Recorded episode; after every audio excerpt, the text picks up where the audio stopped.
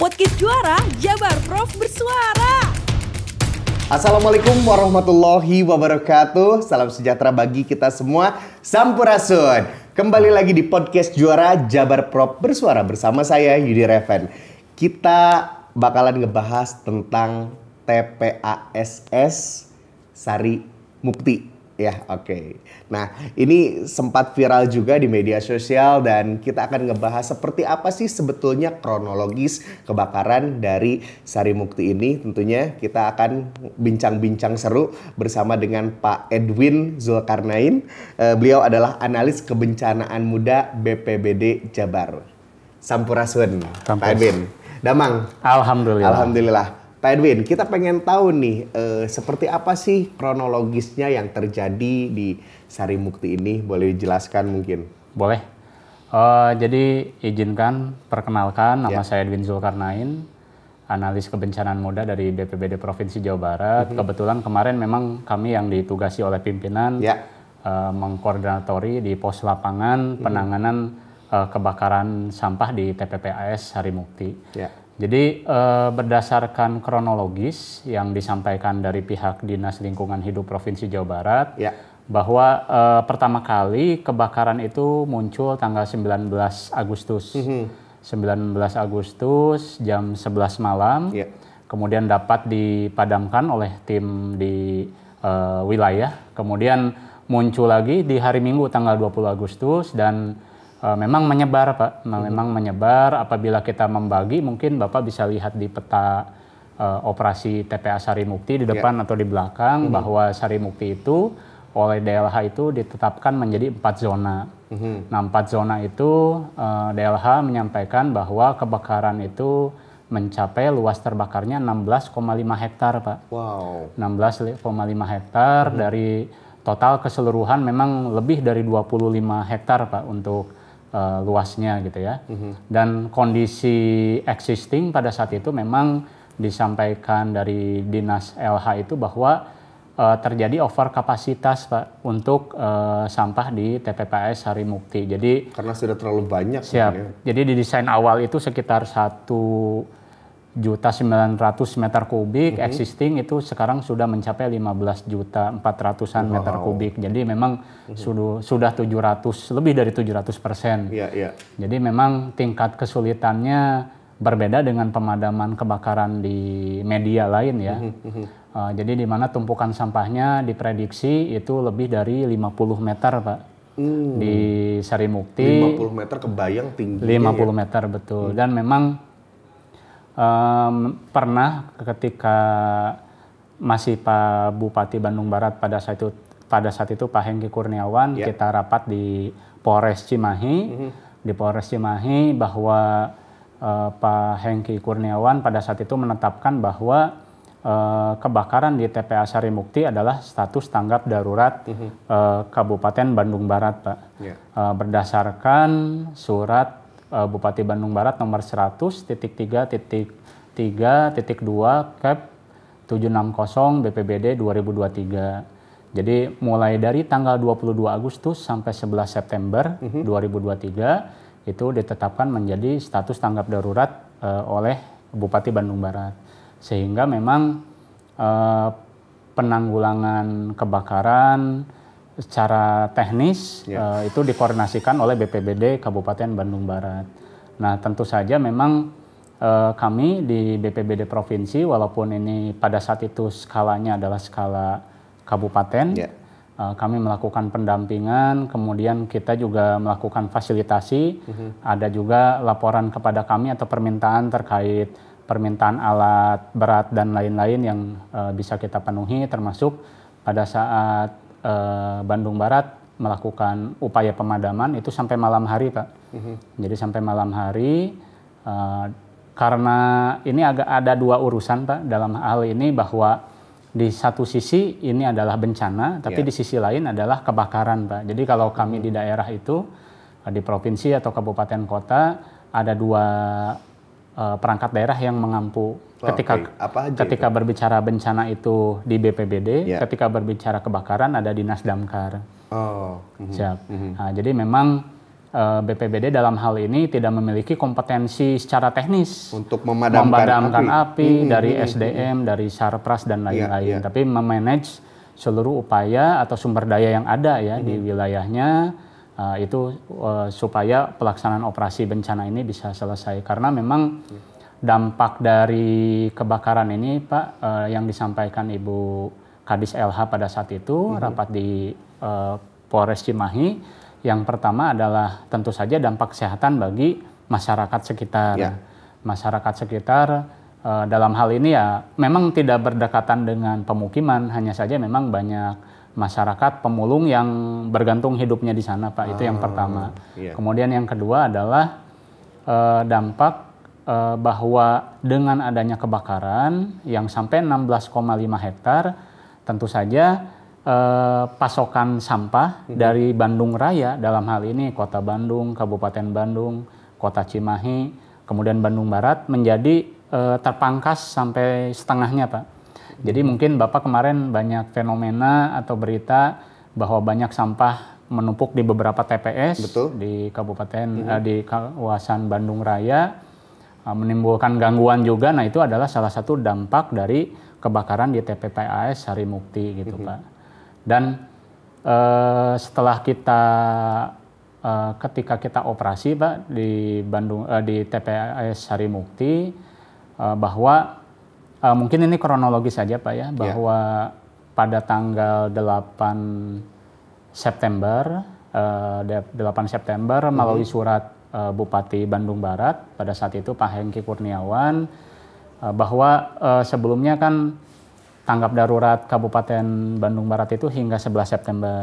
Nah, tiga hari sebelumnya 8 September beliau bersurat kepada Pak PJ Gubernur Jawa Barat agar penanganan bencana kebakaran lahan di TPPS Harimukti itu diambil alih oleh provinsi, Pak. Oh, oke. Jadi oleh karena itu eh, pada saat tanggal 8 kita melakukan rapat di BPBD dengan stakeholder yang sebelumnya terlibat di penanganan di Sarimukti termasuk dari eh, perang- perangkat daerah wilayah eh lingkup Kabupaten Bandung Barat juga eh, bahwa memang dan memang ini eh, kebakaran ini terjadi di sebetulnya di area kerjanya Dinas Lingkungan Hidup Provinsi Jawa Barat Pak ya TPPS Sarimukti di bawah eh, binaan eh, DLH provinsi sehingga kita ambil alih sehingga eh, kita mengeluarkan keputusan gubernur eh, bahwa eh, penanganan kebakaran lahan di TPPS Sarimukti itu di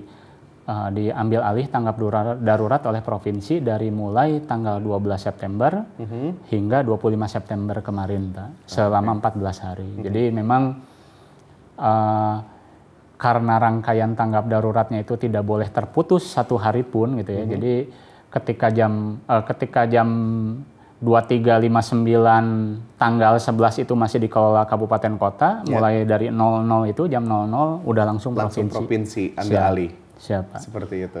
Oke, ini menarik Pak ketika tadi Pak Edwin bilang tanggal 19 itu dimulai ya eh, 19 Agustus ya terbakarnya tuh. Itu karena apa sih kalau boleh tahu Pak?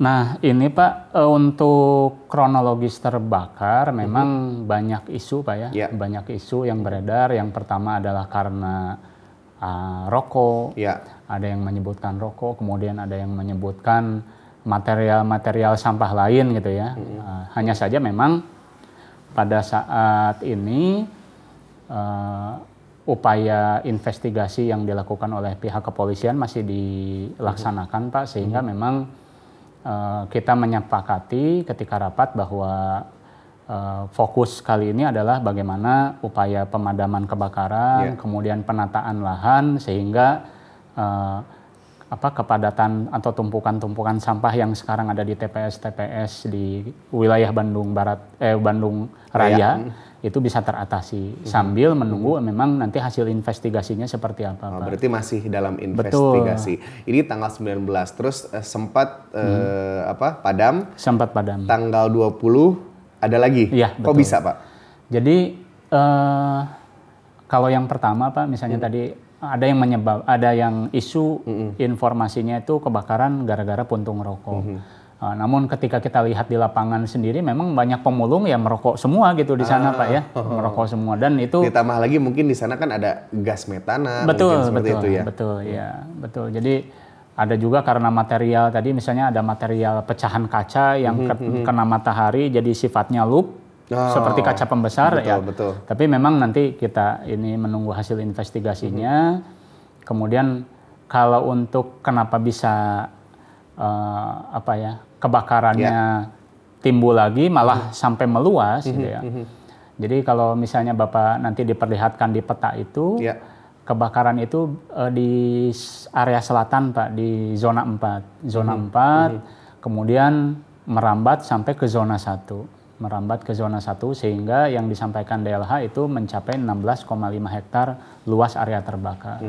Nah, memang eh, salah satu potensi kenapa sulit di di apa ya di ma- dipadamkan, itu ada potensi gas metan juga, Pak. Oh. Jadi kalau kita diskusi Mhm. ketika persiapan maupun pelaksanaan, eh, biasanya kita melakukan review pak di sore Ya, hari. ya. Eh, jadi dengan teman-teman TNI, teman-teman Polri dan Damkar juga dan eh, dari instansi lainnya juga gitu Mhm. ya, bahwa memang eh, upaya pemadaman berbeda dengan upaya pemadaman seperti kebakaran hutan lahan yang lain pak. Mhm, Dalam arti eh, apabila dicontohkan oleh rekan-rekan dinas damkar atau perhutani, misalnya ketika ada kebakaran lahan, mereka membuat sekat bakar Ya. di zona yang lain, kemudian dibakar sekaligus supaya lebih cepat dan padam gitu ya. Ah. Tap- Dan ada juga pada saat itu diskusinya bahwa eh, ini karena bara apinya itu ada di bawah permukaan, Pak. Jadi kadang eh, Susah ya Pak ya? Iya, siang kita tidak melihat ada api di permukaan, tapi memang asap itu terus gitu. Ternyata eh, memang eh, sifatnya seperti gambut, Pak. Jadi eh, seperti gambut, jadi baranya itu ada di eh, bawah permukaan gitu ya, Oke, di bawah kalau permukaan. bahasa Sundanya nyumput gitu ya. Betul. Dan eh, upaya pemadaman pun memang tidak seperti upaya pemadaman yang biasa air di apa ya air disemprotkan saja di permukaan, tapi sampai disuntik ke bawah. Oh. Jadi eh, menyen- apa upaya pemadamannya dengan menyuntikkan air ke bawah permukaan itu pak ya sampai airnya itu balik baru udah selesai. Namun memang eh, kendala itu adalah eh, banyak pemadam kebakaran yang terlibat pak khususnya di wilayah Bandung Raya alhamdulillah. Jadi selain Kabupaten Bandung Barat Kota Bandung juga terlibat kemudian Cimahi beberapa kali kemudian Kabupaten Bandung iya. Justru dari kadang di luar Bandung Barat dari Cianjur yang selalu setiap hari itu pak ya. Cianjur kemudian ada juga Kabupaten Sukabumi Kota Depok juga sempat gitu pak ya.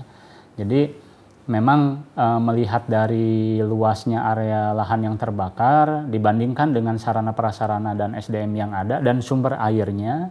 Jadi memang kemarin itu perlu upaya-upaya lain. Salah satunya upayanya adalah dengan menggunakan teknologi modifikasi cuaca dan waterbombing juga, Pak. Nah, ini yang menarik nih Hmm. waterbombing ya. Waterbombing. ya. Oke, itu berapa kali sih kalau boleh tahu? Waterbombing itu memang eh, ketika sudah di apa ditetapkan menjadi level tanggap darurat provinsi di hari pertama pun kita sudah koordinasi kemudian dari bidang kedaruratan dan logistik juga bersurat kepada instansi pusat dalam hal ini BNPB eh, untuk dukungan eh, pelaksanaan waterbombing dan eh, teknologi modifikasi cuaca. Hanya saja memang untuk waterbombing itu bis, eh, bisa dikatakan baru dimulai itu lima hari terakhir saja, Pak. Oh, oke. Hari Sebelum terakhir. 25 September berarti. Betul, betul Ya, lima 20 hari berarti. terakhir. Iya betul. Jadi sebelumnya itu memang kita eh, optimalkan dari beberapa eh, sumber daya yang ada, termasuk seperti kendala-kendala kendala-kendala sarpras, Ya. ketersediaan, kita juga eh, alhamdulillah meminta dukungan, ada dukungan juga dari Yayasan Pariwisata Indonesia meminjamkan unit damkarnya. Dan memang pada saat itu Pak eh, ketika kita 10 hari pertama operasi memang sumber air itu hanya ada satu di sebelah timur, ada danau gitu Pak ya. Ada danau itu sumber air satu-satunya. Sehingga eh, ketika kita melakukan pada saat itu kita masih apa ya masih fokus di pemadaman pak ya. Pokoknya ada asap terlihat api padamkan gitu. Itu upaya yang dilakukan setiap hari. Indikatornya dari situ dulu Siap, ya. betul. Pantauan secara visual. Iya. hanya saja memang pada saat itu pimpinan juga meminta bahwa ada hal atau capaian atau persentase yang harus uh, dilaporkan pada pimpinan yang lebih tinggi pak ya atau kepada masyarakat secara umum gitu. Jadi apa yang dilakukan pemerintah provinsi di selama operasi di Sarimukti itu progresnya harus terlihat seperti apa. Akhirnya kita kerjasama juga pak kemarin uh, beberapa kali dengan balai PVMBG yang ada di Jogja. Uh, jadi dia memiliki drone thermal pak. Jadi drone thermal mungkin nanti di peta sebelah kiri atas itu Bapak bisa melihat gitu ya. Jadi eh, dilakukan upaya uh, upaya pemetaan atau misalnya potret titik panas yang dilakukan setiap malam jam 21.00 Pak. Oke. Jadi ketika mungkin matahari sudah tidak terlalu panas, tidak menjadi bias gitu Pak ya, jam 9 malam itu dilakukan potret udara. Kemudian kita lihat titik-titik panasnya di sebelah mana. Nah, itu juga menjadi acuan persentase keberhasilannya seperti apa, kemudian acuan untuk strateginya Pak besok harinya gitu ya. Jadi kita bisa arahkan damkar supaya nanti bisa melakukan upaya pemadaman di area yang mana saja. Memang eh, bukan berarti Pak, bukan berarti eh, misalnya zona 1 kan memang kemarin kita prioritas Pak. Ya. Zona 1, zona 2 itu yang dekat pintu masuk gitu ya. Karena kenapa diprioritaskan? Karena untuk mempersiapkan penataan lahan eh, bagi mengurangi tumpukan sampah yang ada di Bandung Raya gitu Pak. Jadi memang kita prioritaskan di sana walaupun di sana memang titik panasnya sudah tidak tidak terlalu banyak, kadang sangat kecil gitu Pak ya. Iya. Hanya saja memang eh, berdasarkan kesepakatan kita juga tidak mau resiko bahwa dengan ditimbun nanti ke depannya ditimbun sampah baru malah menjadi eh, kebakaran lagi tuh Iya, Pak. Jadi tetap dilakukan upaya pendinginan. Oke, ini menarik Pak. Eh, kalau boleh nih waktu turun langsung ke Ya. lapangan gitu, berapa orang yang diterjunkan dari BPBD? Dari BPBD mohon izin kami laporkan Hmm. bahwa BPBD eh, di pos lapangan. Jadi Ya. Eh, strukturnya itu ada dua Pak. Strukturnya ada pos utama, Ya. posko yaitu di Jadi kantor bikin BPBD. posko gitu di sana. Betul. Kemudian ada pos lapangannya itu di kantor desa Sarimuktinya Pak. Jadi di kantor desa Sarimukti uh, di sana kita uh, sebagai koordinator pos lapangan bersama dari Brigif 15. Ya. Uh, kemudian ada juga rekan-rekan lainnya di sana Pak yang tergabung. Kalau dari BPBD Jabar uh, penyiapan dapur umum, kebutuhan logistik, konsumsi untuk setiap hari masak sampai 1.200 porsi Pak setiap Saya hari lihat ya. 1100 sampai dengan Ya, 1200 betul. gitu So, ya. ya, betul. Ah, oke. Betul. Jadi eh, yang pertama ada penyiapan dapur lapangan, Mhm. kemudian yang kedua ada juga ban- bantuan personil lima orang. Jadi Iya. personil lima orang itu kalau kebetulan saya di sana 14 hari, jadi saya Mhm. minta ada satu orang yang pengolah data. Oke. Kemudian yang empat orang lagi dia bergabung dengan tim gabungan TNI Polri atau Satpol PP melakukan operasi sambil melakukan eh, dokumentasi dan pencarian data. Karena memang kalau fungsi kami Pak BPBD utamanya adalah mengkoordinasikan ya koordinator. Ya. Eh, jadi eh, sumber daya itu kita dari beberapa instansi gitu ya yang terlibat. Nah kita nanti memanage kemudian mengkoordinatori pelaksanaannya di lapangan gitu Oke, Pak. oke. Jadi BPBD ini sebagai koordinator Siap. di lapangan Iya, seperti itu. iya. Pak Edwin, ketika Pak Edwin 14 hari di sana, Hmm. pertama kali ke sana seperti apa ngelihat Sarimukti? pertama kali melihat itu kebetulan tanggal 12 eh eh, sebelum tanggal 12 Pak, sebelum tanggal 12 eh, itu kita sempat ke sana juga dan Iya. kalau tidak salah tanggal 12 itu ada kunjungan Pak Pak PJ Gubernur juga Pak, Pak PJ Gubernur juga melakukan kunjungan ke sana. Memang terpantau di siang hari pun asapnya pekat Pak ya. Asapnya pekat. Terus gimana teman-teman? Pakai masker semuanya? Pakai masker Pak. Jadi mungkin kalau di operasi sebelumnya, Ya. Operasi pemadaman sebelumnya gitu ya, eh, memang orang tenaga damkar ini dia eh, mau sampai jam berapapun malam siap gitu Pak ya. Luar Cuman biasa. ketika sudah kita ambil alih, kita koordinasi juga sama teman-teman di BMK eh PVMBG yang Ya. meneliti tentang gas juga di sana Pak.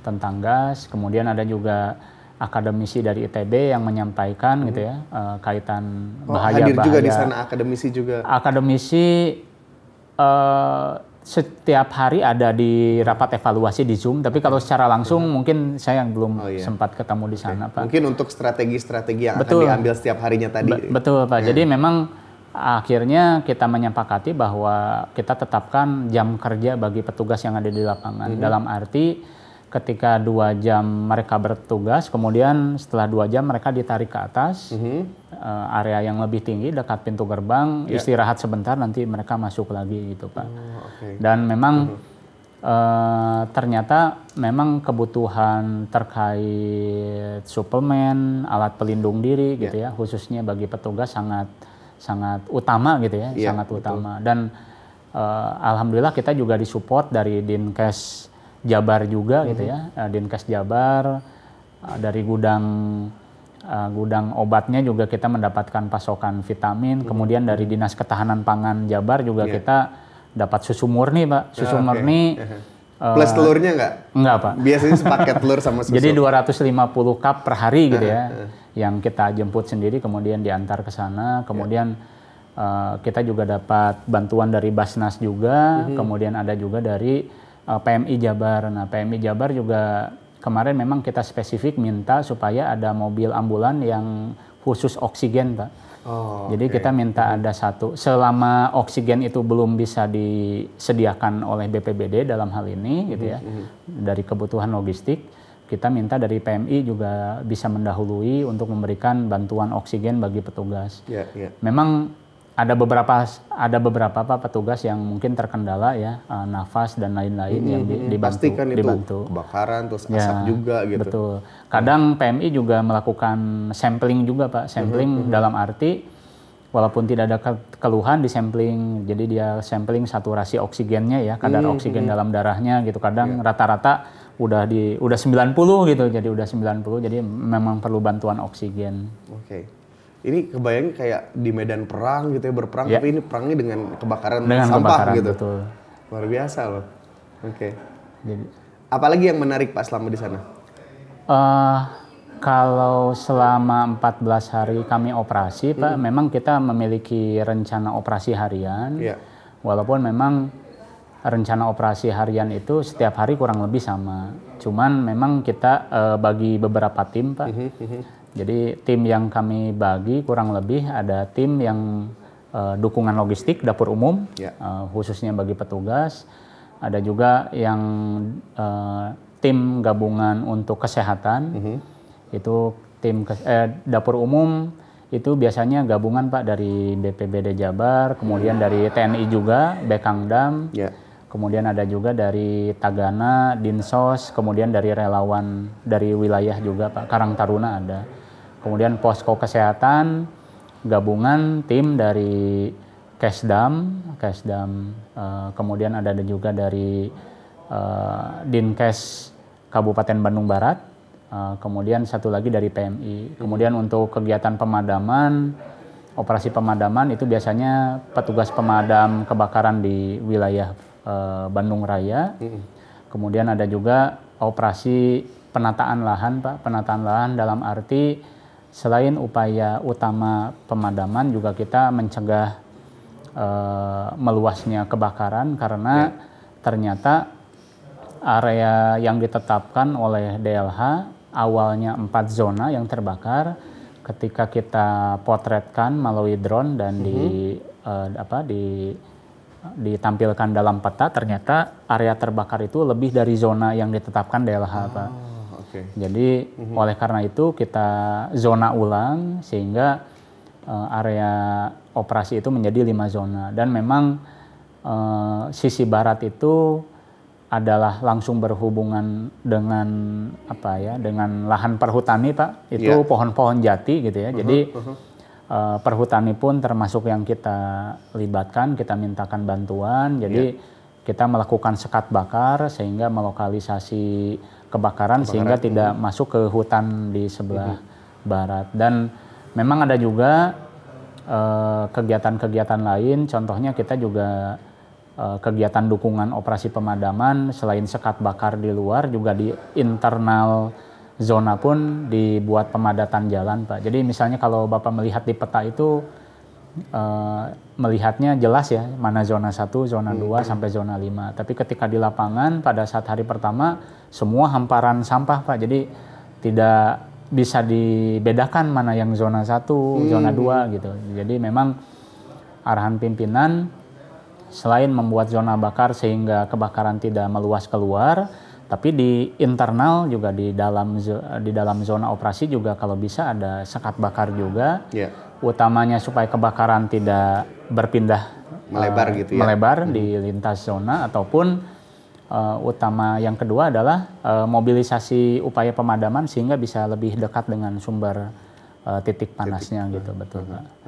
Kemudian ada juga tim-tim lainnya pak eh, yang melibatkan dari BBWS BBWS Citarum. Ya. jadi selain upaya pembuatan sekat juga adalah upaya landfill, jadi mendatangkan lumpur dari sedimen Citarum. Oh, oke. Jadi eh, kepa, jadi untuk area-area yang sudah tidak ada asapnya itu dipersiapkan lahannya gitu pak ya di di apa ditumpuk dengan lumpur, Lumpur sedimen gitu ya sedimen dari Citarum Se- eh, itu salah satunya upayanya adalah nanti penataan lahan sehingga Hmm, nanti apabila darurat sampahnya itu bisa apa eh, selesai harapannya yang tumpukan sampah di Bandung Raya bisa eh, bisa didistribusi lagi ke Sarimukti. Mhm, Hanya saja memang Pak eh, mungkin tambahan saja Pak bahwa setelah kita melakukan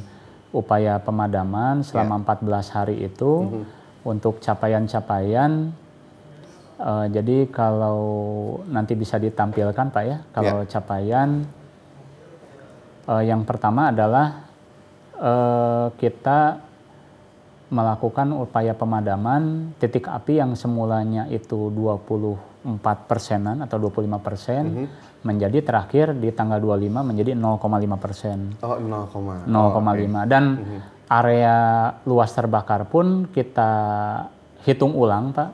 Jadi bukan 16 16,5 hektar ternyata di lapangan itu 20,1 hektar dari total area operasinya 27 hektar gitu Pak. Gitu. Dan memang Jadi cuma sekitaran 7 hektar yang tidak terbakar. Siap, betul.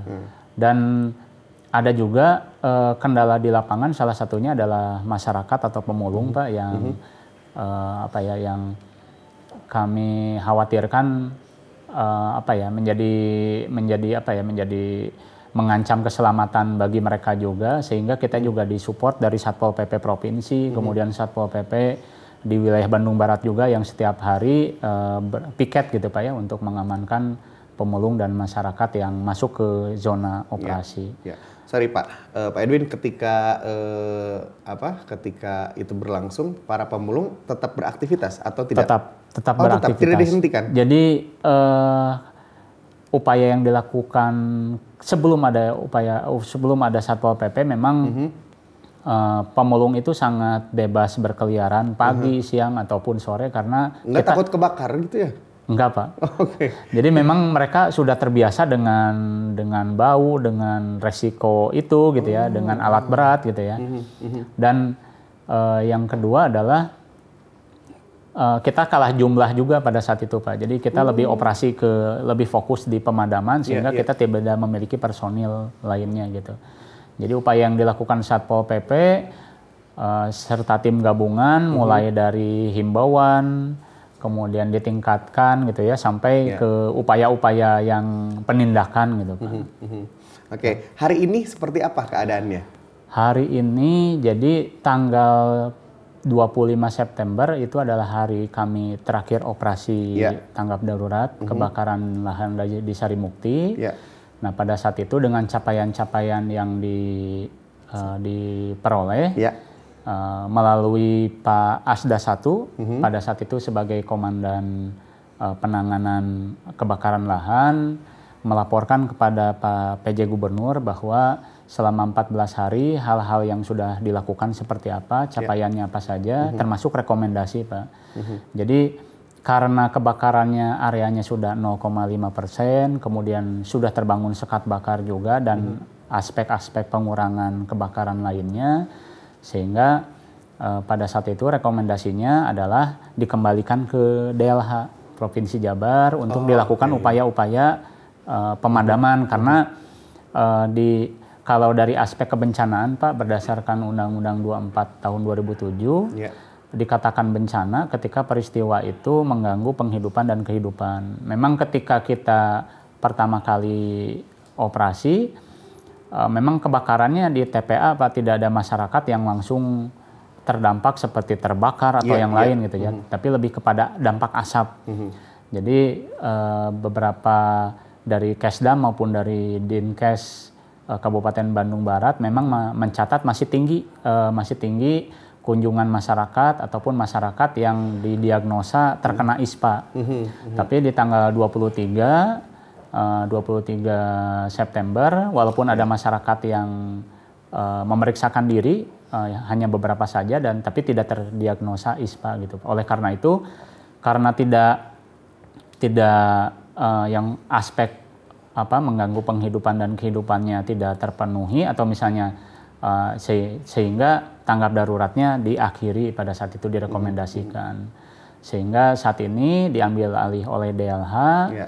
Dan daruratnya pun bukan darurat kebakaran pak judulnya Oh, jadi oke. darurat sampah darurat sampah Berarti darurat bencananya mah sudah selesai. sudah selesai betul pak 25 September kemarin. siap Oh, oke. Jadi sekarang masuk ke darurat sampah, Sampah. tanggal 26 September hingga 25 Oktober atau 30 hari Pak oleh Hmm. DLH. Tapi kami masih uh, membantu juga Ya. karena Ada di- peran juga BPBD siap, di situ ya. Karena berdasarkan satgas yang dibentuk Ya. dan ditetapkan oleh gubernur, ada juga uh, satgas yang selain pengurangan sampah atau misalnya pengelolaan atau penataan lahan juga ada satgas operasi pemadaman. Kita masih uh, Oh, Oke. masih terlibat dan monitoring itu Pak sampai kita juga ada rapat evaluasi setiap hari oleh Pak Asda 2 saat ini komandannya kebetulan Pak Asda 2 Pak. Mhm. Oke, ini menarik eh, Pak Edwin, tapi apa daya eh, durasi yang harus memisahkan Siap. kita. Mungkin boleh eh, ada pesan-pesan mungkin untuk wargi Jabar yang ingin disampaikan dari Pak Edwin eh, BPBD Jabar, mangga silakan Pak. Siap. Baik eh, untuk eh, pada wargi Jabar ya, warga-wargi Jabar kaitan kebakaran di TPA Sari Mukti itu memang kesulitannya itu adalah ketika lokasi itu terbakar maka tentu saja berdampak di masing-masing wilayah ya karena sampah itu tidak bisa terangkut semuanya di ke Sarimukti sehingga ada beberapa persen yang eh, penumpukan di TPS ya harapannya memang kemarin juga dari pihak DLH juga meminta supaya eh, warga dapat eh, memilah sampahnya Pak memilah sampahnya sehingga pengelolaan sampah di TPS menjadi efektif efisien jadi tidak ter dan yang kedua adalah de- dengan adanya musim kekeringan seperti ini Pak ya, Iya. eh, ada, ada beberapa daerah juga yang siaga maupun darurat kekeringan. Harapannya eh, warga juga upaya misalnya mengurangi sampah ataupun eh, apa ya membuka lahan tidak dengan membakar Pak, ya karena apabila eh, keba- eh, karena dulu kami melakukan evaluasi bahwa kebakaran itu eh, yang timbul di lahan memang yang pertama karena eh, disengaja, yang kedua adalah lalai. Jadi misalnya ketika membakar tumpukan sampah atau apa untuk dikurangi dikurangi apa ya eh, dimensinya, harapannya ya bisa di, di- dipadamkan dulu gitu sebelum Ya. ditinggalkan. Ya. Karena beberapa TPS memang terjadi kondisi yang sama Pak saat ini. Oh, oke. Oke, baik. Terima kasih Pak Edwin. Ini bincang-bincangnya seru. Siap. Luar biasa dan terima kasih juga atas nama Wargi Jabar nih Ya. telah berkontribusi kemarin eh, pemadaman Ya. ya api yang ada di eh, TPA Sari Mukti Eh, sampaikan salam hormat juga untuk tim dan semua yang eh, terlibat Siap. untuk pemadaman seperti itu. Iya. Hatur nuhun Pak Edwin, sukses Sami-sami. selalu tentunya. Sami, Dan wargi Jabar, demikianlah bincang-bincang kita tentunya di podcast juara Jabar Prop Bersuara. Ikuti terus episode-episode selanjutnya tentunya bersama saya Yudi Revan. Wabillahi taufiq wal hidayah. Wassalamualaikum warahmatullahi wabarakatuh. Cag Rampes.